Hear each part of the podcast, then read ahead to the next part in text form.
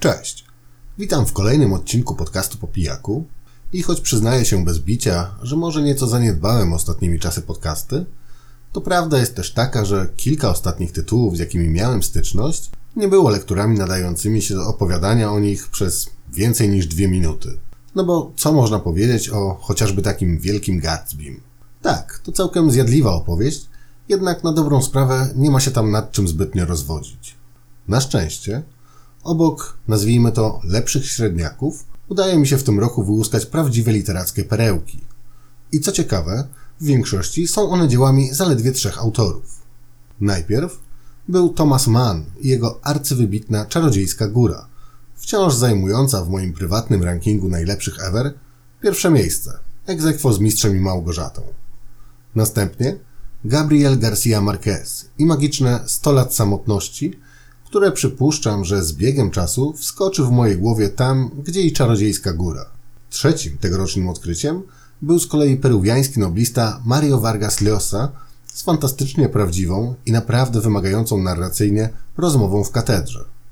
Idąc za ciosem, po chwili przerwy postanowiłem sprawdzić kolejne dzieła trójki literatów i tak wybór padł kolejno na Baden-Bruków Mana, Miłość w czasach zarazy Garcia Marqueza oraz właśnie zakończone Święto Kozła Vargasa Llosy. Nie będę tu teraz rzucał ocenami, ale... albo okej, okay. może tak będzie łatwiej, bo o ile Czarodziejska Góra i 100 lat samotności to podwójne 10 na 10 i tu nie ma nawet o czym dyskutować, to Baden-Brukowie oraz osławiona Miłość w czasach zarazy to takie naciągane ósemki. Inaczej jednak rzecz ma się z tytułami pióra Liosy, ponieważ w tym przypadku nie sposób ocenić ich niżej niż na 9. Jeśli więc macie ochotę dowiedzieć się, skąd biorą się tak wyrównane, a przede wszystkim tak wysokie oceny dzieł Peruwiańczyka, wysłuchajcie dzisiejszego odcinka, ponieważ wreszcie jest o czym opowiadać. Zapraszam. Zanim przejdę do nakreślenia samej fabuły, zaznaczę jeszcze tylko, czym owa fabuła się charakteryzuje. A mowa tu o fakcie, iż dzieło Vargasa Llosy nie zalicza się ściśle w poczet tzw. Tak fikcji literackiej. Nie jest tak, że przedstawione w opowieści wydarzenia oraz postaci wywodzą się wprost z głowy autora. Ba, na dobrą sprawę, jest to poniekąd książka historyczna, przedstawiająca autentyczne wydarzenia, a i znaczna część bohaterów to postaci, które faktycznie istniały w realnym świecie. Tyle tytułem przydługiego wstępu, a teraz czas zabrać się na poważnie za niesamowite święto kozła. Tak więc akcja powieści przynosi nas na Karaiby, a konkretnie do Dominikany, czy jak kto woli Republiki Dominikańskiej, a więc drugiego, po Kubie, największego państwa na Morzu Karaibskim, zajmującego dwie trzecie powierzchni wyspy Haiti, dzieląc ją ze znacznie mniejszym i biedniejszym państwem Haiti. Zważywszy na geopolityczny układ mapy świata, nie będzie chyba niespodzianką, jeśli powiem, że i samej Dominikany do najbogatszych zaliczyć nie można. Choć trzeba też przyznać, że państwo to zaczęło się gospodarczo podnosić jakieś plus minus 90 lat temu, przeobrażając się z tak zwanego kraju trzeciego świata w miejsce, jak na standardy tamtych rejonów, całkiem nowoczesne. Spora, a właściwie główna w tym zasługa, niejakiego Rafaela Trujillo, znanego również jako generalissimo lub po prostu szef. Kim jednak był ten praktycznie nieznany w Polsce człowiek? Otóż przez ponad trzy dekady, dokładnie w latach 1930-1961, był on sprawującym twardą ręką rządy dyktatorem Republiki Dominikańskiej, któremu na wyspie podporządkowani byli wszyscy i wszystko. Dosłownie, bo mowa tu nie tylko o przeciętnych obywatelach czy zastraszonym najbliższym otoczeniu generalissimo, ale także o mediach, gospodarce, polityce czy przede wszystkim wojsku. Wszystko podporządkowane było jednemu człowiekowi, bez wiedzy którego przez 30 lat nie można było na Dominikanie nawet kichnąć. Sama powieść rozgrywa się na dwóch płaszczyznach czasowych. Jedna cofa nas do maja roku 1961, kiedy to przeprowadzono udany zamach na prezydenta Trujillo. Tu historię poznajemy z dwóch perspektyw: samego szefa oraz planujących zamach aktywistów wierzących w lepsze jutro. Rozdziały Trujillo oraz zamachowców są z kolei przeplatane drugą osią czasową, a mianowicie przenoszącą czytelnika na Dominikanę 35 lat po zamachu.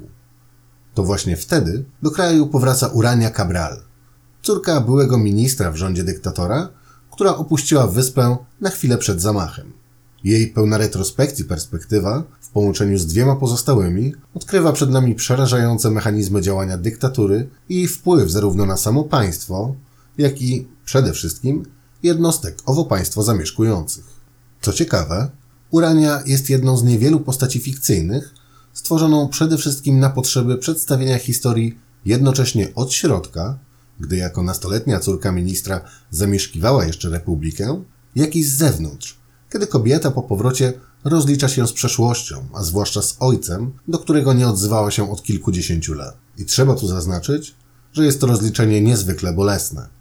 Warto dodać, że jej spojrzenie po latach jest poniekąd odbiciem spostrzeżeń samego autora, ponieważ Vargas Llosa, jako rodowity peruwiańczyk, nie mógł rzecz jasna uczestniczyć w wydarzeniach na Dominikanie, jednak bardzo dokładnie przestudiował całą historię karaibskiego kraju, wyciągając z niej, moim zdaniem, właściwe wnioski. Druga, a właściwie druga i trzecia strona medalu, gdyby tylko medal miał ich trzy, to toczące się w tym samym czasie opowieści samego szefa Trujillo oraz jego przyszłych zabójców. Z jednej strony człowiek demon, rzeczywiście wierzący w to, że oddaje krajowi przysługę, opiekując się łaskawie tymi kilkoma milionami bezmózgich baranów, jak myśli o obywatelach Dominikany. Jednocześnie, bez mrugnięcia okiem, wydaje rozkazy egzekucji czy snuje kolejne intrygi, w których jego podwładni sami będą się szpiegować i wzajemnie zagryzać, byle tylko zyskać choć odrobinę uznania u generała. Przykładami stłamszonych, ale jeszcze wierzących w wyzwolenie kraju obywateli są przyszli zamachowcy, nierzadko bezpośrednio powiązani z samym szefem. Każdy z kilkorga mężczyzn przeszedł długą drogę, by znaleźć się w wyjściowym punkcie książki, czyli z karabinami w dłoniach, czekając na przejeżdżającą limuzynę Trujillo. Doskonale zdają sobie sprawę z ryzyka, z tego, że misja, której się podjęli, nawet jeśli okaże się skuteczna, może i dla nich samych oraz ich rodzin oznaczać śmierć. Mimo to czekają i wspominają swoje losy, stanowiące poniekąd odbicie losów całej Republiki i są gotowi, by przynajmniej spróbować wyzwolić się spod jarzma tyranii. Powoli kończąc, pozostaje mi jedynie dodać, że przy drugim podejściu do twórczości Mario Vargasa Losy pisarz oczarował mnie nie mniej niż za pierwszym razem. Peruwiańczyk ponownie podjął się opisania historii ważnej, która ukształtowała życia milionów ludzi, robiąc to z chirurgiczną niemal precyzją. Nie jest to literatura łatwa, lekka ani przyjemna, jednak w tym przypadku inna po prostu być nie mogła.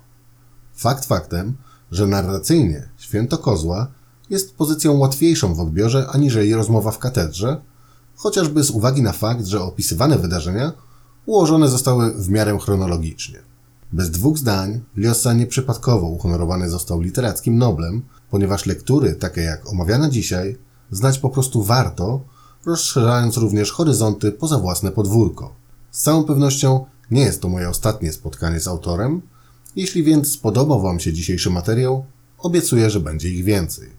Dzięki za wysłuchanie, pozdrawiam i do następnego razu. Cześć!